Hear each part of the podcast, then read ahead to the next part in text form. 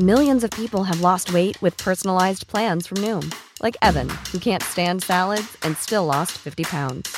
Salads, generally, for most people, are the easy button, right? For me, that wasn't an option. I never really was a salad guy. That's just not who I am. But Noom worked for me. Get your personalized plan today at Noom.com. Real Noom user compensated to provide their story. In four weeks, the typical Noom user can expect to lose one to two pounds per week. Individual results may vary. Burrow's furniture is built for the way you live.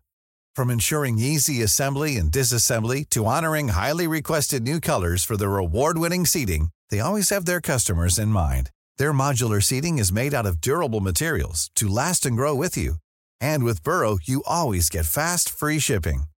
Get up to 60% off during Burrow's Memorial Day sale at burrow.com slash ACAST. That's burrow.com slash ACAST.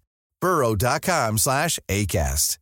I'm Sandra, and I'm just the professional your small business was looking for. But you didn't hire me because you didn't use LinkedIn jobs. LinkedIn has professionals you can't find anywhere else, including those who aren't actively looking for a new job but might be open to the perfect role, like me.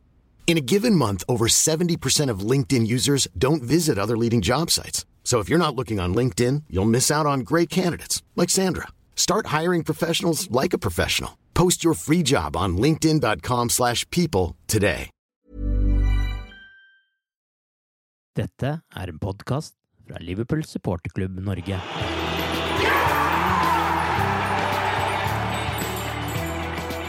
Dette er en The Copite-dokumentar.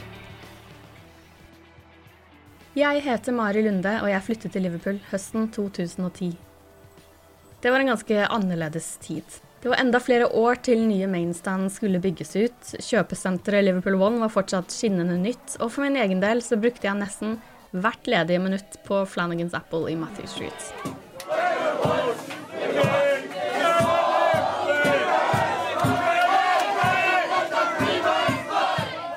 Og å få tak i kampbilletter, det var kjempelett. Jeg møtte opp på billettkontoret en halvtime før eh, avspark og spurte i luka om det var noen spares, og det var det, uten unntak, alltid.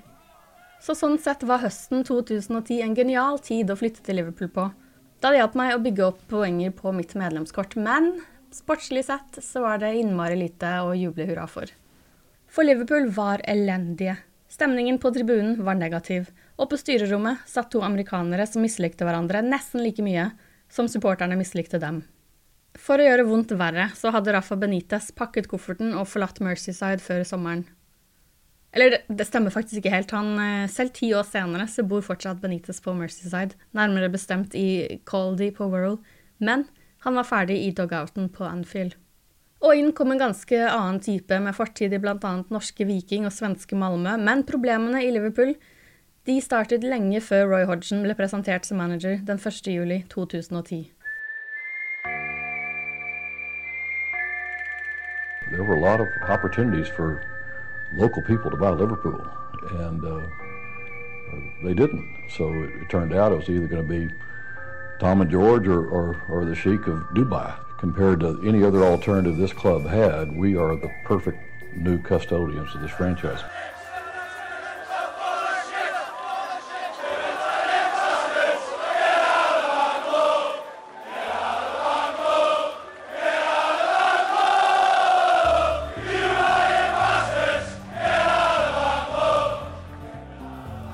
Den 6. februar 2007 skiftet eierskapet av Liverpool Football Club hender. Den populære eieren, David Morse, måtte trå til side da han manglet økonomien til å ta Liverpool til et nytt nivå og til å konkurrere med lag som Chelsea og Manchester United. Inn kom Tom Hicks og George Gillette. De to amerikanske forretningsmennene hadde minimal kjennskap til engelsk fotball, men Hicks eide allerede to sportsklubber, ishockeylaget Dallas Stars og baseballklubben Texas Rangers. Gillette hadde på sin side involvert seg stort i vinteridrett ved å investere i et skianlegg i Vale, som gjorde det til et av de ledende skisentrene i verden. Han var også grunnlegger av Booth Creek Management Corporation, som var et firma som styrte ishockeylaget Montreal Canadiens. Det var mildt sagt ukjent grunn de trådde ut på da de byttet ut is med gress. Ordene de brukte på de første pressekonferansene, viste hvor mye de hadde å lære, men de kom med viktige lovnader. Om 60 dager skulle spaden i jorda. Det skulle bygges en ny, hypermoderne stadion i Stanley Park. Og overtakelsen skulle ikke bli sånn som med Glacier-familien som eide Manchester United. Klubben skulle ikke brukes til å refinansiere lånet deres. Det skar seg fort.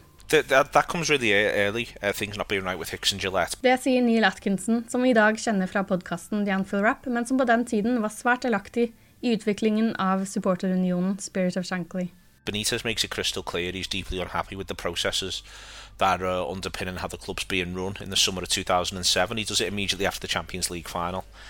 And the response to that from the football club immediately made you feel as though things weren't weren't quite right. And I think that a lot of this, a big part of this is it's it's a little bit about an administrative conversation, like literally the processes and how the club was being run. And then within that, you end up sort of having a realization that there's been commitments made, um, that the line around, you know, you only get to sell the family silver once comes back to haunt people because it, it, it becomes relatively clear relatively quickly that the best reading of the people that Liverpool have sold the family silver to is that they've done it all on leveraged and borrowed money at a time of global crisis around leveraged and borrowed money. And the worst reason is that they they were people who weren't, for a variety of reasons, fit to arguably run any football club, but especially to run one like Liverpool Football Club, both in terms of the temperament, their outlooks, uh, and also uh, the, the the financial uh, background that they had. That none of those things really tallied with what what the club needed at that time. Um, and that when that family silver had been sold, it was it was a profound error. Um, the people to whom it was sold, um, and the rationale behind it, and that it was going to be a long road back uh, from that sort of stage. So I think I think that, that that stems very very early indeed. Under ett år etter at Hicks og Gillette hadde fått nøklene til portene på Anfield, mobiliserte supporterne seg. Um, in 2000, and by the time we get to the sort of the December of 2007, moving into the January of 2008, there's uh, increased sort of supporter meetings both online and then in person. Uh, there's uh, surveys which um, we were running and sort of seeing how clear the dissatisfaction was. Den 31. januar 2008 ble det første møtet holdt, på puben The Sanden en regntung vinterdag. Bare ti dager tidligere hadde supporterne på The Cop sunget You Lying Bastards Get Out of Our Club i en ligakamp mot Aston Villa. De var rasende over nyheten om at de nye eierne forsøkte å refinansiere lånet sitt ved å putte 350 millioner pund i gjeld på Liverpool FC.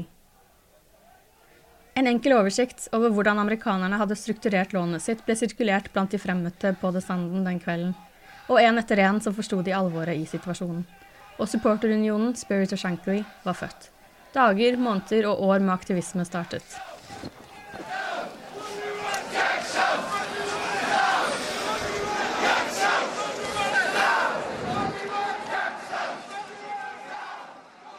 It's crackers really to stop to think about it because like 07 08 was a lot of it was fundamentally unpleasant because there was this sort of schism around the idea of protest who should protest who shouldn't when you should protest when you shouldn't um, what was an appropriate place to protest.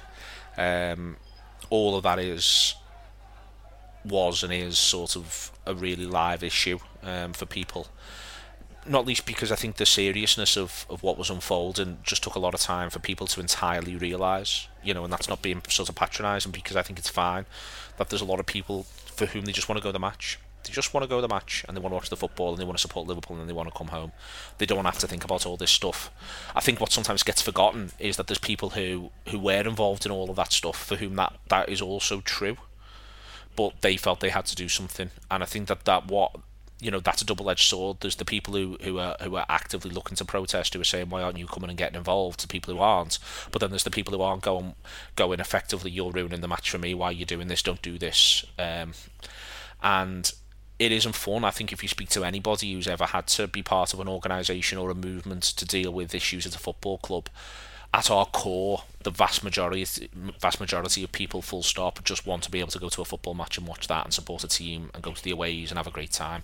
It's when it becomes clear that there's a real impediment to that and that actually, to an extent, the certainly the the future in a in a productive sense of the football club's under threat. Den 23. februar 2008 tok Liverpool imot Middlesbrough på Anfield. Ryktet hadde spredt seg om at Tom Hicks jr., en av Hicks sine sønner, var til stede på kampen.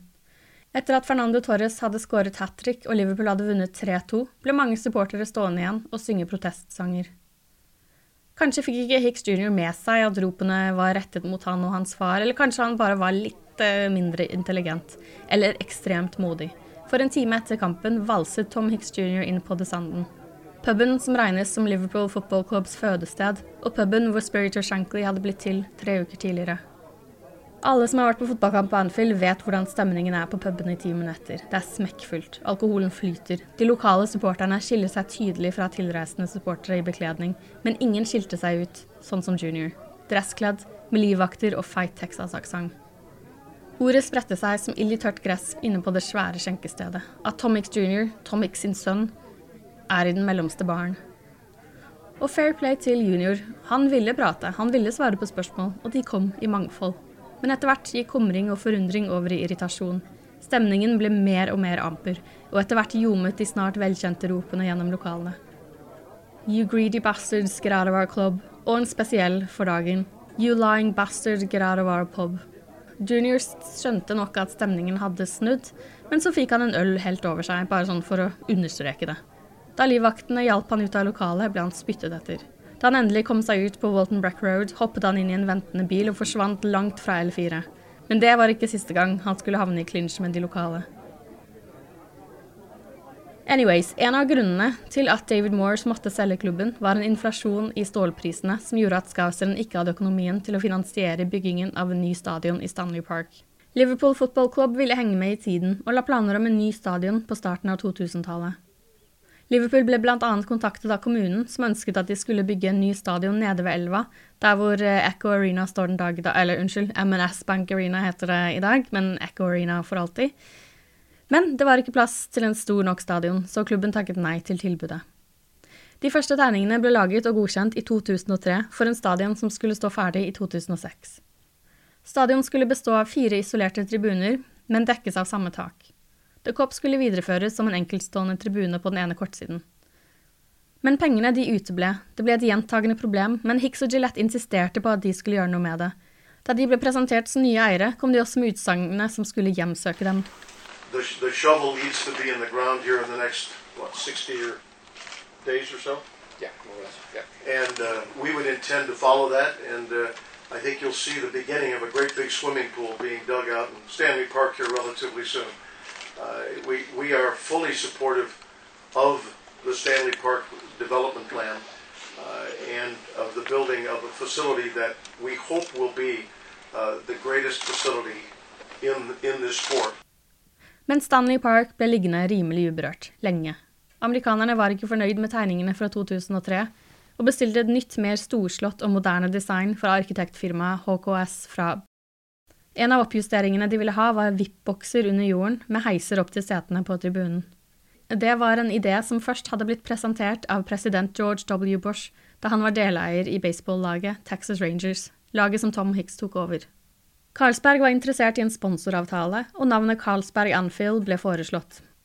På tegningene hadde stadion glasshjørner som skulle gjøre det mulig å stå på utsiden og se inn. I juni 2007 var de nye planene klare og godkjente for en stadion med 60 000 seter, og amerikanerne hadde planer om å legge inn enda en byggesøknad mens arbeidet foregikk på stadion, for å utvide til 76 000 seter innen 2010. Men cowboyene satt ingen spade i jorda. Det lot seg ikke gjennomføre, da stadion de hadde designet, var for dyr. Den 21. april 2008 ble en melding delt på Liverpool-relaterte fanforumer og nettsider. Da de kom til Liverpool, fortalte de oss at de skulle ha en spade i jorda innen 60 dager. Det finnes sikkert en helt god grunn til at det ikke har skjedd, sto det i den spydige teksten forfattet av medlemmer fra Spirit of Shankly. Jepp, de har gjort sitt beste for Liverpool Football Club, og hvis vi bare kunne støttet dem, vil vi snart befinne oss på topp igjen.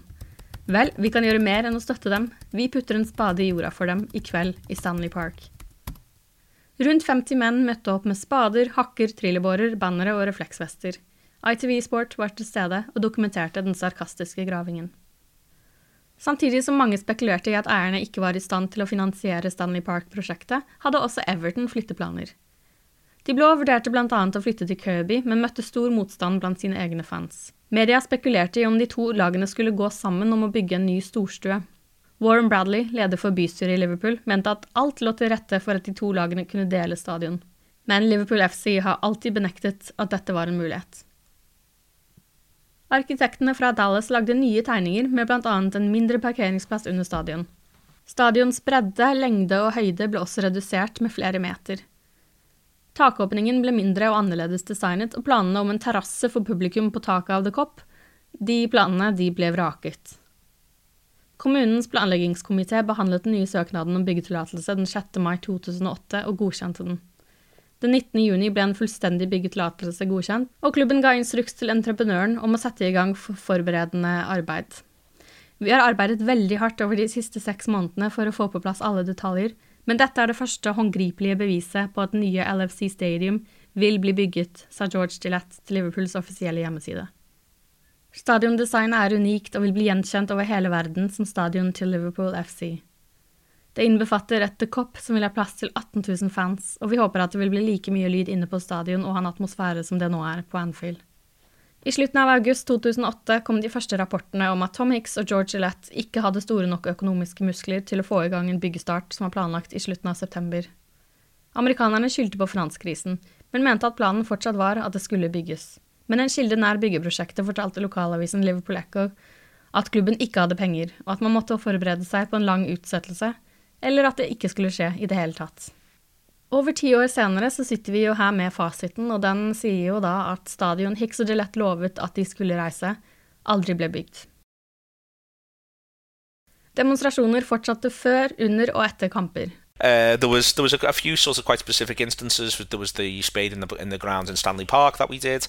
Um, there's um, some stuff that happens around uh, some of the European games, a little bit in that as well, just to sort of put that over. Whilst the whilst the high profile cameras were around, there was a bit of a kick off the day of the Haventon Waterlooville game, and there was people looking to sort of protest there. There was a couple of marches around that. Uh, in 2008, uh, when I was no longer a part of Spirit of Shankly, there was a march the morning we beat Manchester United.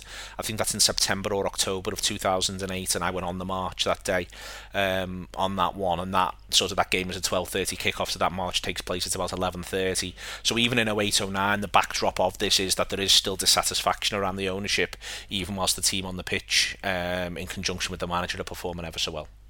Før kampen mot Manchester United i september 2008 gikk tusenvis av supportere i demonstrasjonstog fra Liverpool FC Supporters Club nedover Lower Brack Road og til stadion.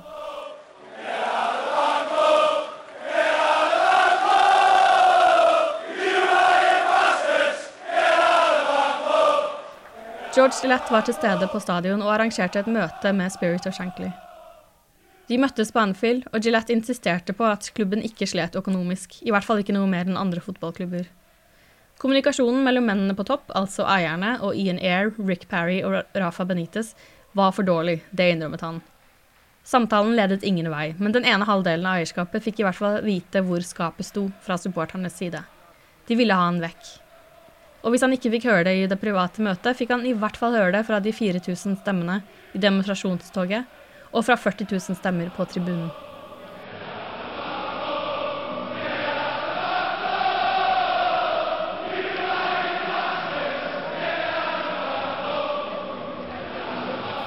Aktivismen ble etter hvert kreativ og ikke minst interaktiv.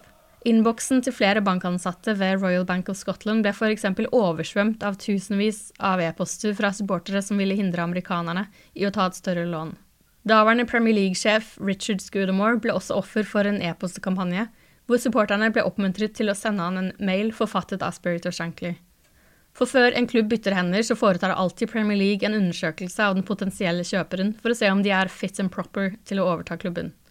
I mailen forklarte avsenderne hvorfor Tom og George ikke falt innenfor den kategorien. En kveld i januar 2010 sendte Spirits of Shankly-medlem Steve Horner en mail med sitater fra en kritisk artikkel han leste i Liverpool Echo. Mailen ble sendt til Tom Hicks, George Gillette og Tom Hicks jr. Og den traff tydelig en nerve i Tom Hicks jr., som svarte umiddelbart. Idiot, sto det i svaret.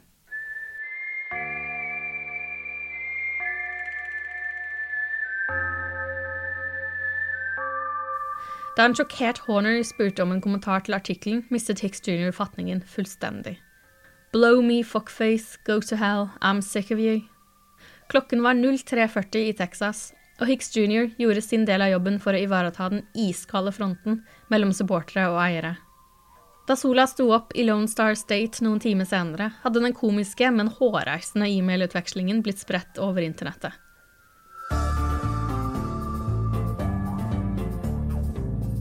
På kvelden, Texas-tid, kom en kort beklagelse til Horner, men det hjalp veldig lite. Avisene i Storbritannia hadde for lengst funnet veien til butikkene, og nettavisene koste seg med Hicks Juniors ord i fete overskrifter. Tom Hicks jr. sa fra seg sin plass i styret. Budskapet gikk til slutt igjennom. I april 2010 ble det klart at Hicks og Gillette var villige til å selge klubben. Martin Brawson ble ansatt som uh, uavhengig styreformann, mannen som fikk i oppgave å finne nye eiere til klubben. Sammen med han i styret satt de to eierne, samt Ian Air og Christian Purslow. Eierskapet og den økonomiske situasjonen hadde gjort managerjobben uholdbar for Rafa Benitez. Den 3. juni kom bekreftelsen på at Rafa hadde forlatt klubben. I think Benitez leaving sort of crosses a lot of what by that point were um, strange sort of factions within the Liverpool support. I think a lot of people were devastated, and I think that the people who were devastated were far more devastated than the people who were pleased were pleased. Um, I think that that's a really sort of important part of the the Benitez conversation. That people who decided they didn't like him didn't like him in a really didn't like him in a really sort of two dimensional way, whereas the people who loved him loved him deeply. And I think that was always part of why that was a it was a particularly fraught time. And again, an aspect of that was down to there were some people who would just like Liverpool to play a bit better, wish the manager would stop kicking off at the ownership, um, wish that things were just a tiny little bit better, and just wanted to go home and forget about it. And one of the things that Benitez was doing was he was, he was stopping that from happening. You you couldn't have the fresh start where you could not think about it whilst Benitez was still in charge. So the people for whom they wanted to be able to just wipe the whiteboard clean that was what Benitez go and help them do and help them just literally be able to just focus on the football and not think about all the other things. Um, for the people for whom Benitez was was as important as he was, a lot of that, not all of it, but a lot of that came to the the, the feeling that he was fighting for the soul of the club. The extent to which that's true, um, in hindsight, it's perhaps lessened a tiny little bit, but on the whole, you you can make an argument that Benitez was on the side of the Angels uh, through a lot of this um, and that's part of the reason why he was loved uh, by by those who loved him. It was a genuine sort of affection that still maintains to this day. It's interesting that you actually look through Benitez's career. You know, he ends up in, in very in a very very very similar position with Newcastle United now as well, where there's still an unbelievable amount of affection for him because whether or not it's a projection, both by the people themselves, but also by uh, Benitez but he very much comes across as the man who cares about the football. And other people come across as the people who don't care about the football. And I think that that's at the core of Benitez. I think it's almost in a sense what makes him a little bit difficult, what probably makes him tough to work with, is that he's so focused on what's going to happen for him on the pitch in the short, medium, and long term. And he he's not prepared. He's prepared to work within frameworks, but he's not prepared to accept second best within those frameworks. Is I think the best way to sort of look at it.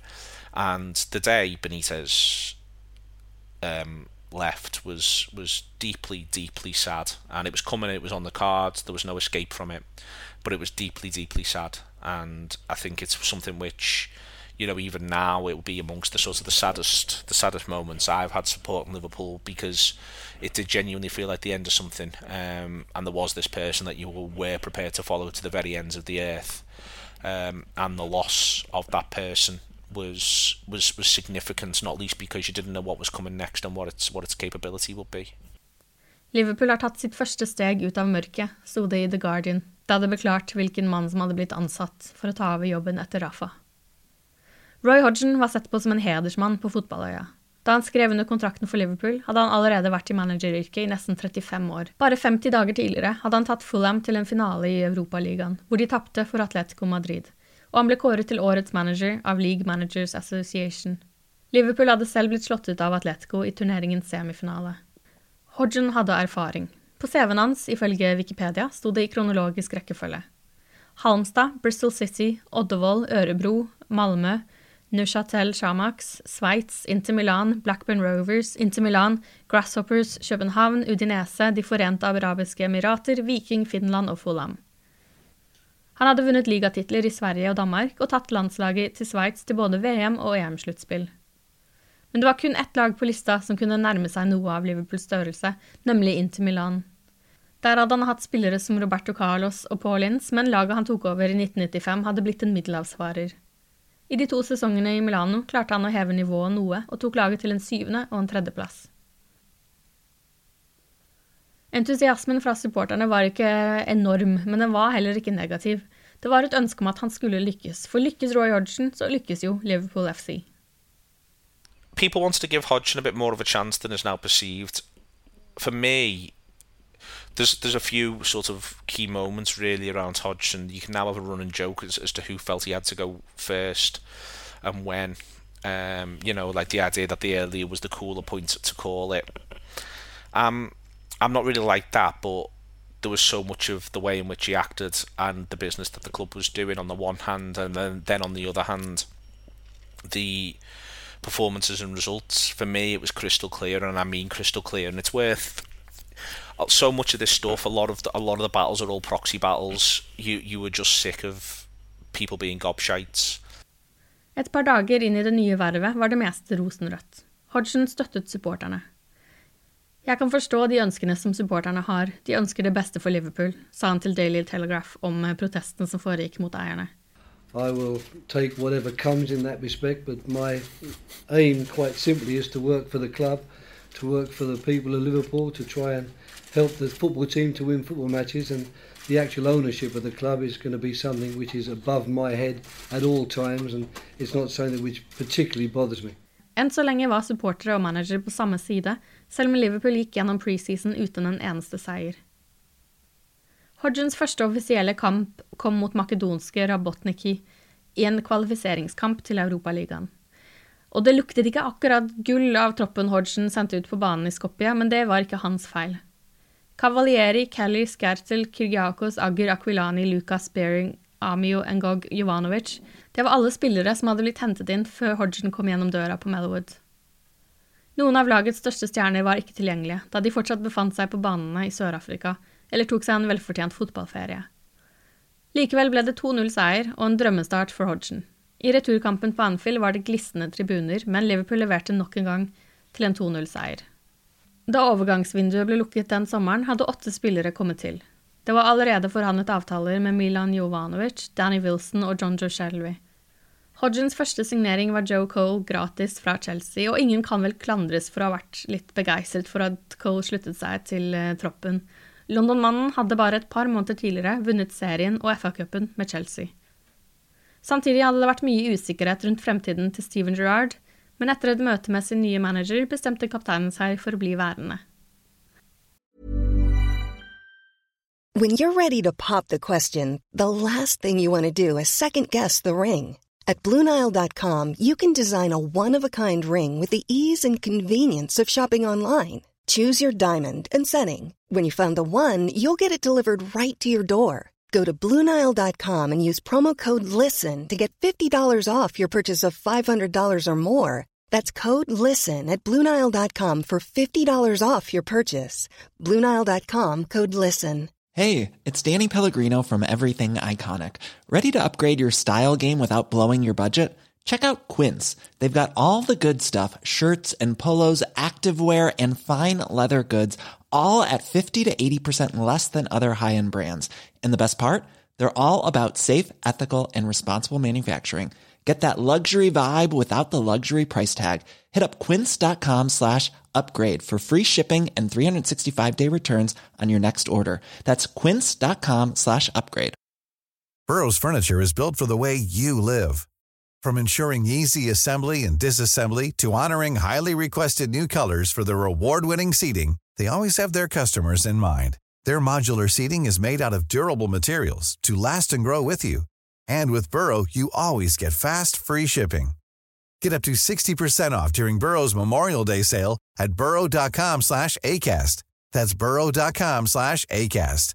burrow.com slash ACAST.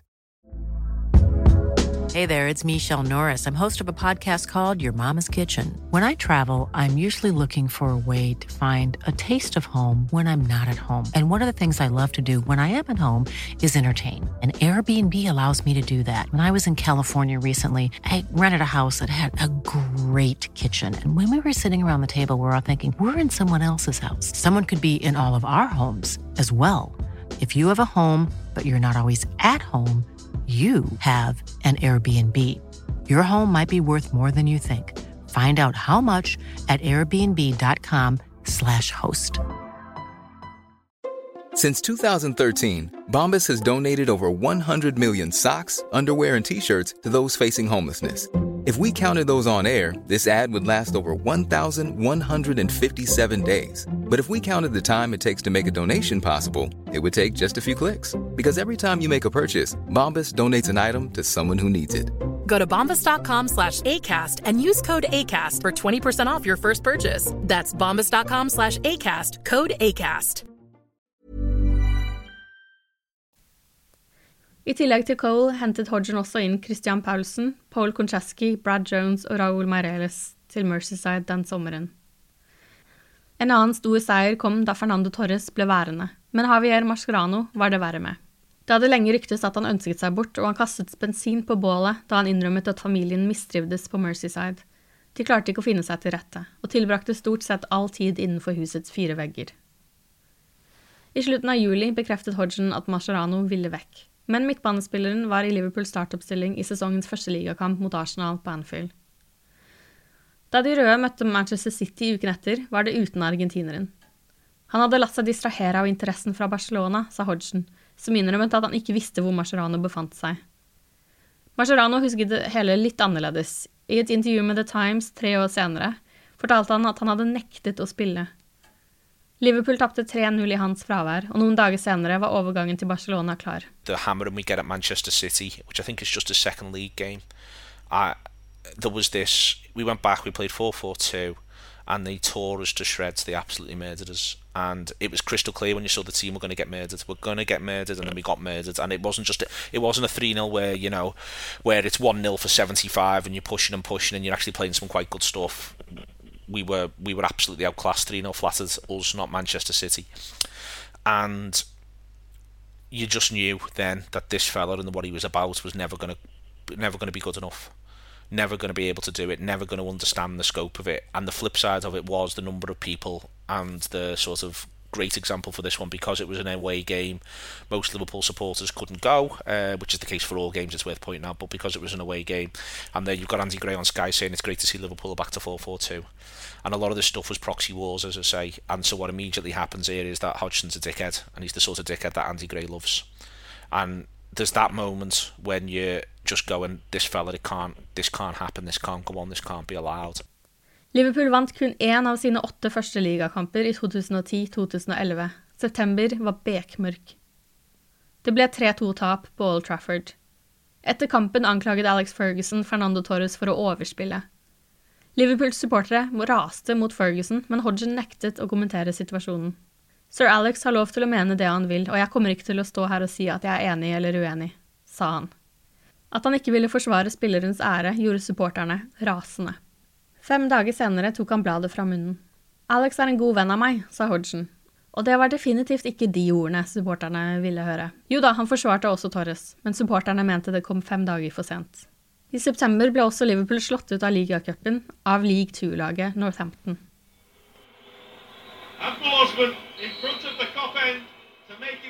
Northampton hero. There you go. It's a horrible night for Liverpool. It's an embarrassing night for Liverpool. De er en formidabel motstander, hadde Hodgson sagt om laget fra East Midlands. Bare 22 577 tilskuere var til stede på Anfield den kvelden for å se laget karre seg til straffesparkkonkurranse, hvor de registrerte sitt første tap noensinne mot et lag på fjerde nivå i engelsk fotball. Jeg er utrolig skuffet over at laget jeg la min lit til, ikke tilbakebetalte den tilliten, sa Hodgson til pressen etter at ydmykelsen var et faktum. Tre dager etter tapet mot Northampton møtte Liverpool Sunderland på Anfield. Protesten hjelper ikke situasjonen, men det er noe jeg har måttet leve med siden jeg kom til klubben, sa han til pressen i forkant av kampen mot Sunderland, hvor det var varslet nok en protestaksjon mot eierne.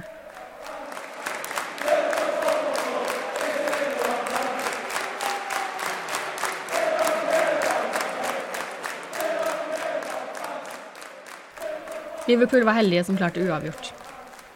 Og så ble det 2-1-tap mot Blackpool på Anfield, hvor jeg så flere barn hylgråte på vei ut av stadion.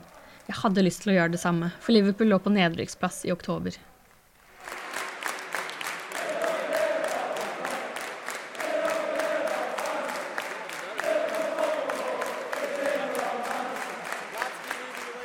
Samtidig som spillerne leverte umotiverte forestillinger på banen, skjedde det mye i kulissene.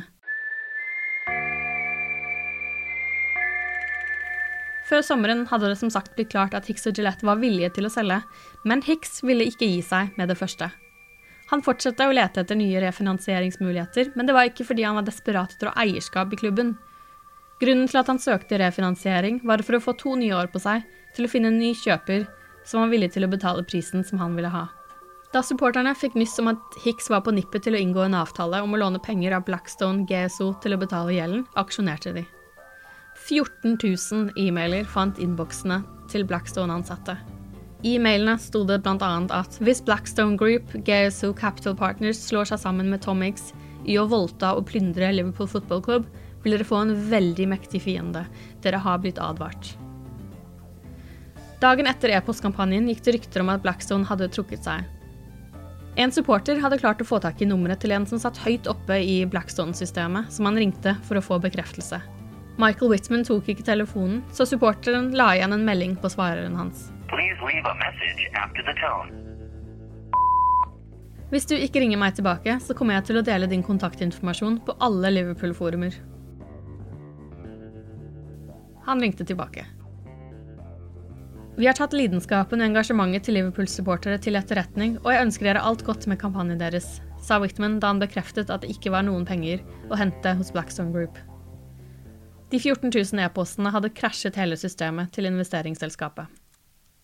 Høsten 2010 satt nok de fleste Liverpool-supportere og spillere spent og ventet på nyheter. Kunne klubben faktisk likvideres? I don't know if Liverpool would have ceased to exist, and I think it's important not to necessarily overstate the idea that the club could have literally disappeared. But I think that there was a mortal threat to the idea of Liverpool being one of the top teams in English football.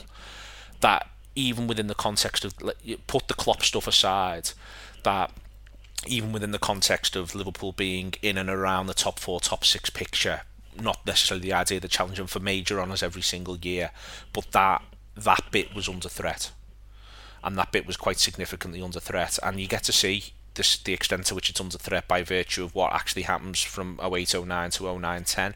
I think there's obviously a couple of injuries in there.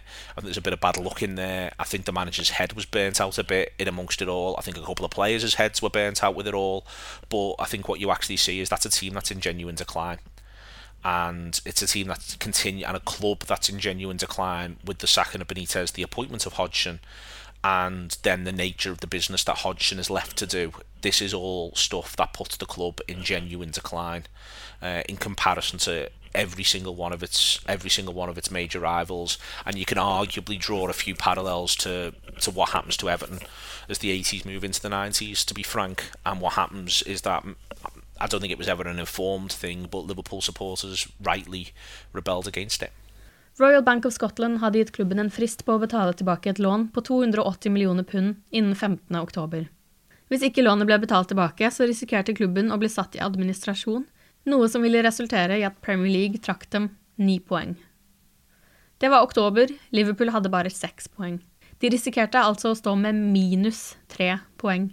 Det er vilt å tenke på den dag i dag. Men den måneden ble det kjent at en seriøs kjøper hadde kommet på banen. Nok en gang var det snakk om amerikanere, og noen var nok skeptiske, men de fleste var bare gira på å få Hicks og Gillette ut av styrerommet, og ønsker velkommen til Boston Red Sox-eier John W. Henry og hans New England Sports Ventures, som de het på den tiden. På klubbens hjemmeside kunne man lese dette den 5. oktober. Styret har mottatt to fremragende økonomiske tilbud om å kjøpe klubben, og det vil tilbakebetale all langsiktig gjeld. Et styremøte ble avholdt i dag for å gjennomgå disse forslagene og godkjenne et salg. Kort tid før møtet prøvde eierne, Tom Hicks og George Gillette, å fjerne administrerende direktør Christian Perslow og kommersiell direktør Ian Air fra styret, og forsøkte å erstatte dem med Mac Hicks og Laurie K. McCothian. Ved å fjerne Perslow og Air og sette inn Mac Hicks, som var Tom Hicks' sønn, og Laurie K. McCuthan, som var visepresident i Hicks Holding, ville Hicks og Gillette sitte med overtall i styret.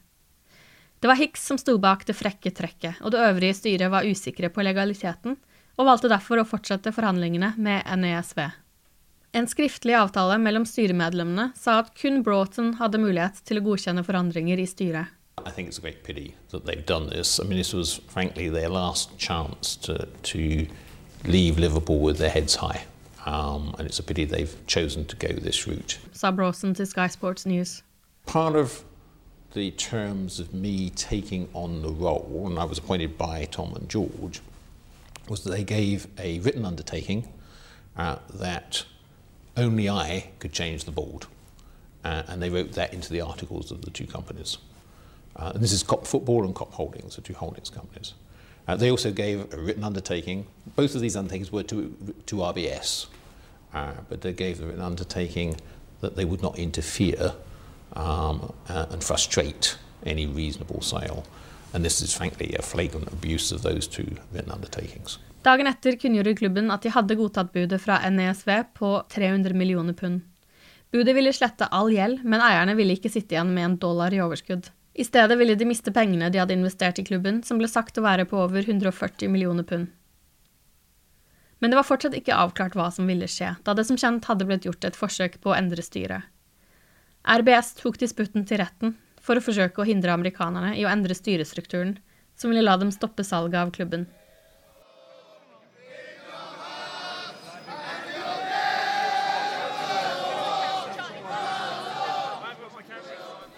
Den 12. oktober møttes partene i retten, men Hicks og Gillette var ikke til stede, de fulgte med fra USA. Rettssal 16 var full av Liverpool-supportere. Noen slapp ikke inn og sto med ørene presset mot døra. Bare få minutter inn i høringen innrømmet eiernes advokater at de hadde foretatt et kontraktbrudd da de forsøkte å velte styret. Men de mente likevel at de skulle få medhold da styret hadde handlet bak deres rygg og ikke vurdert andre tilbud som hadde kommet. Avgjørelsen i saken kom neste dag, og etter bare 40 minutter ble det dømt i RBS sitt favør. Hicks og Gillette måtte i tillegg betale flere hundre tusen pund i saksomkostninger. Styret skulle ikke endres, og salget til NESV kunne derfor gå igjennom. Muligheten for å anke var der, men dommeren fortalte Hicks og Gillette at det ville være upassende. På gata utenfor Royal Court of Justice i London var det jubel og sang til ære for Martin Broughton og advokatene som hadde jobbet på RBS sin side. Absolutely elated. Elated. Very, very important day for our club. I'm elated. What happens now, Christian? Will you sell the club to New Sports Venture? I have no idea. Men Hicks nektet å gi seg. Han hadde fått en begjæring fra en lokal domstol i Texas om at salget måtte stoppes midlertidig. Hicks hevdet at han hadde blitt utsatt for en episk svindel. Det betydde at partene nok en gang måtte tilbake i rettssalen, og der gikk Liverpool opp i en 2-1-ledelse. En domstol i Texas hadde ingen jurisdiksjon over det som skjedde i England. I et siste krampaktig forsøk på å skape litt mer faenskap, eller litt mer penger til seg selv, forsøkte Hicks å selge sin andel i klubben til Mill Financial, et amerikansk hedgefond som hadde tatt kontroll over eierandelen til Gillette et par måneder tidligere. Men det var for sent. Den helgen ble startet på best mulig vis, da det rett før fredag klokken 16 ble meldt at NESV, New England Sports Ventures, var nye eiere av Liverpool Football Club. Den store gjelden var slettet, og Liverpool risikerte ikke lenger å havne i bankens administrasjon eller å bli trukket i poeng. The most nerve-wracking way to win a match is in a penalty shootout. but in the end, as long as you get the right result, it's worth the wait. Got the right result. John?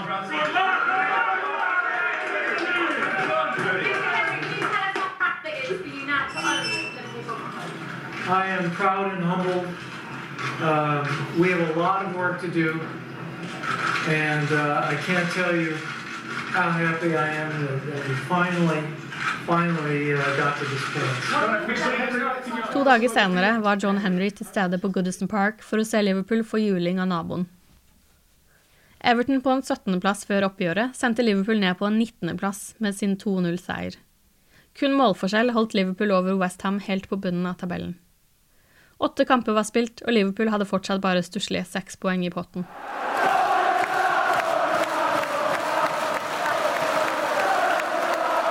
Going down, going down, sang de blå supporterne, og syngingen fortsatte lenge etter kampslutt.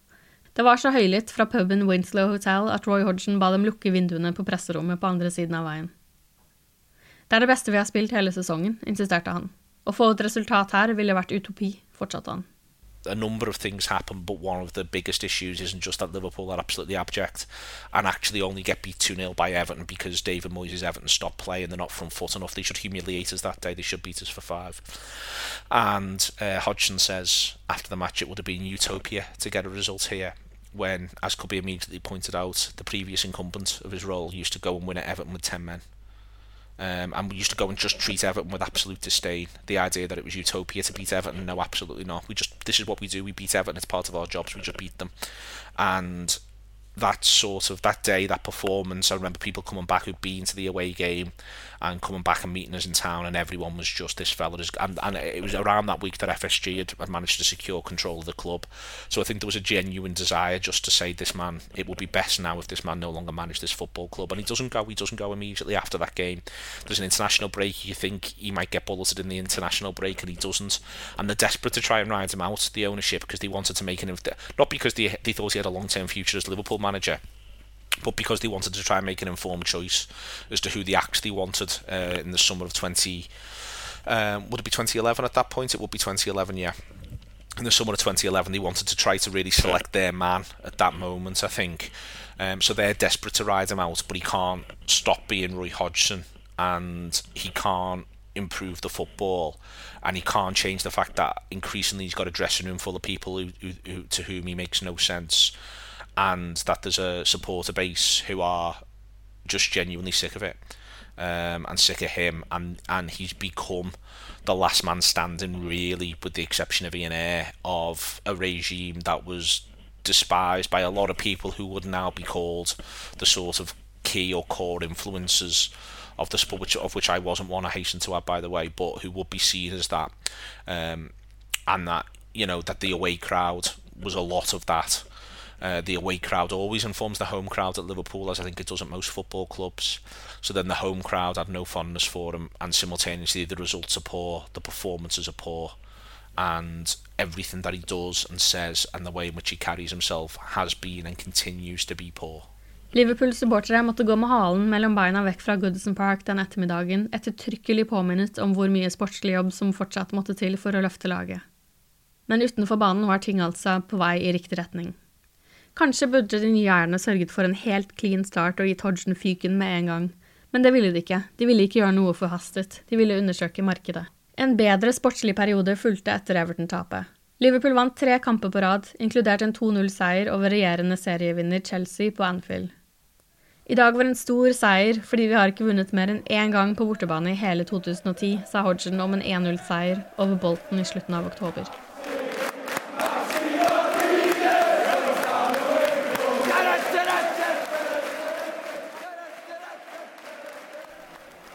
Tre seire var det som skulle til for å ta et kjempebyks på tabellen, opp til, opp til en niendeplass. Det må også nevnes at Liverpool var ganske stabile i Europa. Hodgen tapte ikke en eneste av sine ti kamper i Europa. Liverpool avanserte fra gruppespillet på topp foran Napoli, Sao Bucuresti og Utrecht. You know, he is right now. He's demonstrated himself to be a perfectly adequate Crystal Palace manager. I think Crystal Palace need to move past him now, quite soon. But he's a perfectly adequate Crystal Palace manager. Supporters of West Bromwich Albion and Fulham speak of him with genuine fondness. Because if your ambition is finishing seventh or eighth and getting a cup run, then he can deliver finishing seventh or eighth, or could deliver finishing seventh and eighth and getting a cup run back then. Um, the entire problem with Roy Hodgson is is that he is a man who is completely defined by the ceiling of his own ambitions and capabilities, and that is, in a sense, you know, firstly he's had a, he's made a very good living and a very and had a very good life out of all of this. So you've got to bear that in mind. Um, and a lot of this isn't that he's in some way, shape, or form inherently bad uh, as a person or anything like that. And I think it's important to to frame that as well. That this isn't that his character is part of this, but this doesn't say that he's got a he's got a dreadful character. He's you know almost certainly better company than a hell of a lot of more successful football managers conceivably.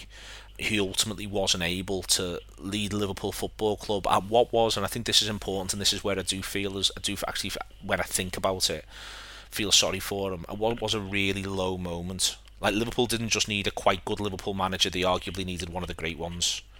um, to follow Benitez. Part of the reason why when Kenny comes in, because he's in amongst the greatest of the Liverpool managers and greatest of the Liverpool people, and he's responded to the way in which he is, is just sheer fucking relief. It's it's that straightforward, and I think that that's yeah that re- remains the thing that what we actually needed. We were broken, we were done in, we were exhausted by the time Hodgson gets appointed. At the point at which he's got sacked, we are more done in, more broken, and more exhausted. Don't get me wrong, but it would have been tough for anyone um, in that position with that framework and with that financial crisis to be able to to plot a pathway uh, right the way through this. And there's there's some stuff that Hodgson does that you know he's uh, supposedly you know let's remember Christian Purslow had his list of players he wanted to sh- he wanted to get shut off, and on that list was Lucas Leiva. Uh, you know, when Hodgson says no. Uh, because he, he he watches Lucas in training and he backs him. You know, it's worth remembering that just from the point of view of the fact that this is the madness he was walking into. We don't get to we shouldn't get to describe what happens to Benitez and the madness of it all, and then say, but it was dead easy for Roy, but he just made a mess of it. No, that's utterly ridiculous. He comes in, and it would have taken, as I say, someone with with with remarkable skills to be able to just do all right, and he doesn't have remarkable skills. He's just all right and he's good at being all right and he's good at making football teams all right and he's good at fixing football teams where it's not going quite to plan. What he's not good at doing is finding potential greatness and developing it. I november og desember tok Liverpool stadig ett skritt frem og to tilbake. Den 29. desember ble det tap på Anfield mot bunnlaget Wolves. 0-0 hadde vært et bra resultat for oss, sa Hodgson, som ikke var spesielt fornøyd med supporterne som buet på slutten av kampen. Helt siden jeg kom hit, har den kjente Anfield-atmosfæren uteblitt. Well, I mean, I, I'm disappointed in that, you know, and I, I certainly regret if I've offended in any way. It was no way, no way meant to be an offensive comment from my part. In fact, it was a, a purely defensive comment, and I, I went on to say that whilst describing my situation as not being able, or not having been able, unfortunately, to win them over by the performances, um, I was taking responsibility, quite prepared to accept it on the chin that I would be the one in the firing line for the team's poor performance, and that I fully understood and empathised and sympathised with them. So I'm very disappointed if that's been been changed into me attacking the fans. There's no way I would want to do that. Og Roy Hodgson kom til Liverpool da arbeidsforholdene var tilnærmet uutholdelige. Men det var ingen tvil om at Roy Hodgson var for Roy Hodgson for et lag som Liverpool. Liverpool reiste til Ewood Park for å møte Blackburn den 5. januar. For første gang på lenge hadde ikke Liverpool klart å selge ut bortebillettene i en Premier League-kamp, men The Travelling Cup var fortsatt eh, ganske høylytte. Hodgson for England, sacked in the morning, sang de. Blackburn vant 3-1, og Roy Hodgsons Liverpool kunne bekrefte den verste ligastarten for de røde siden 1953. Liverpool hadde blitt tildelt et straffespark i det 86. minutt, som kaptein Steven Gerrard blåste over mål. Det var et helt ugjenkjennelig straffespark fra den vanligvis så trygge skytteren, og supporterne spekulerer i at han bommet med vilje for å tvinge frem en forandring i klubben. I sort of hope so. Um, in that moment, like he just decided um, enough was enough. I'd, I'd like that to be true. You'll never, ever, ever, ever know Um, Stephen will never tell you, never, um, and he'll never answer, answer it honestly. Um, and if you put him on the spot and said you've got to answer, he'd say that he didn't. It's it's such a spectacular miss um, that it's it's worthy of worthy of reflection. It's worth pointing out that you know Stevens Stevens always the most interesting man in the room. He's always the like for instance the first game under Kenny at Old Trafford in the cup he gets himself sent off gets himself sent off. You know, it's like the like he's thrown himself into absolutely everything. Like he feels as though he's released, but he's released to the point that he gets himself sent off. We people who characterize Gerard as or have done in the past as a little a little bland and a little boring very much missing the fact that there is a significant broiling personality uh, beneath him and a, and a genuine roving intellect. I think it's fair to say, and I think that's something that's become clearer uh, the last sort of 10 years, not the 10 years prior to him missing that penalty. Um, but I think it's clear to me that you know that Gerard wanted there to be um, wanted there to be change, but also at that point in his career, Stephen Gerrard's what 30 years old is he? 30, 31 he wasn't going to put up with the idea of playing for Liverpool and having them be be wholly mediocre for for any long stretch of time. He was a man who was in a hurry. He had a league to win and he doesn't win it in the end. Um, you know, he wasn't going to put up with that.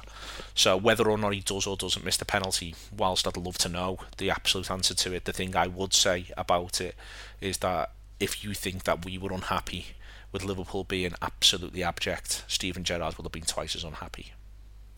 Den 8. januar kom bekreftelsen. Roy Hodgson var ferdig i Liverpool Football Club. Inn kom King Kenny. people were unbelievably elated. It's hard to put into words. The, the elation was, was staggering, to be honest with you. Like phone calls, everyone everyone was ringing each other up. People arranged to meet. We went out. Um, that Hodgson had gone, um, and that Dalglish was in was just was just spectacular. It's you no know, people were, were genuinely delighted because it did feel, and this is why there's part of this which is unfair on Roy Hodgson, and it's allowed to be said that it was unfair on Roy Hodgson, but it did feel as though it was the end of the Hicks and Gillett stuff.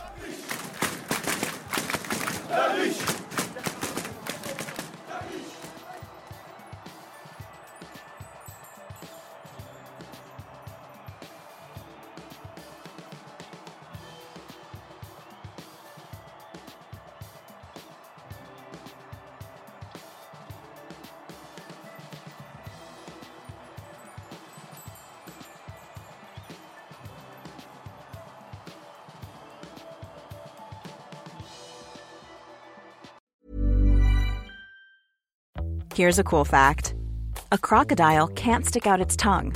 Another cool fact you can get short term health insurance for a month or just under a year in some states. United Healthcare short term insurance plans are designed for people who are between jobs, coming off their parents' plan, or turning a side hustle into a full time gig. Underwritten by Golden Rule Insurance Company, they offer flexible, budget friendly coverage with access to a nationwide network of doctors and hospitals. Get more cool facts about United Healthcare short term plans at uh1.com. Hi, I'm Daniel, founder of Pretty Litter. Cats and cat owners deserve better than any old fashioned litter. That's why I teamed up with scientists and veterinarians to create Pretty Litter. Its innovative crystal formula has superior odor control and weighs up to 80% less than clay litter. Pretty Litter even monitors health by changing colors to help detect early signs of potential illness. It's the world's smartest kitty litter. Go to prettylitter.com and use code ACAST for 20% off your first order and a free cat toy. Terms and conditions apply. See site for details. When you make decisions for your company, you look for the no brainers. If you have a lot of mailing to do, stamps.com is the ultimate no brainer. Use the stamps.com mobile app to mail everything you need to keep your business running with up to 89% off USPS and UPS. Make the same no brainer decision as over 1 million other businesses with stamps.com. Use code PROGRAM for a special offer. That's stamps.com code PROGRAM.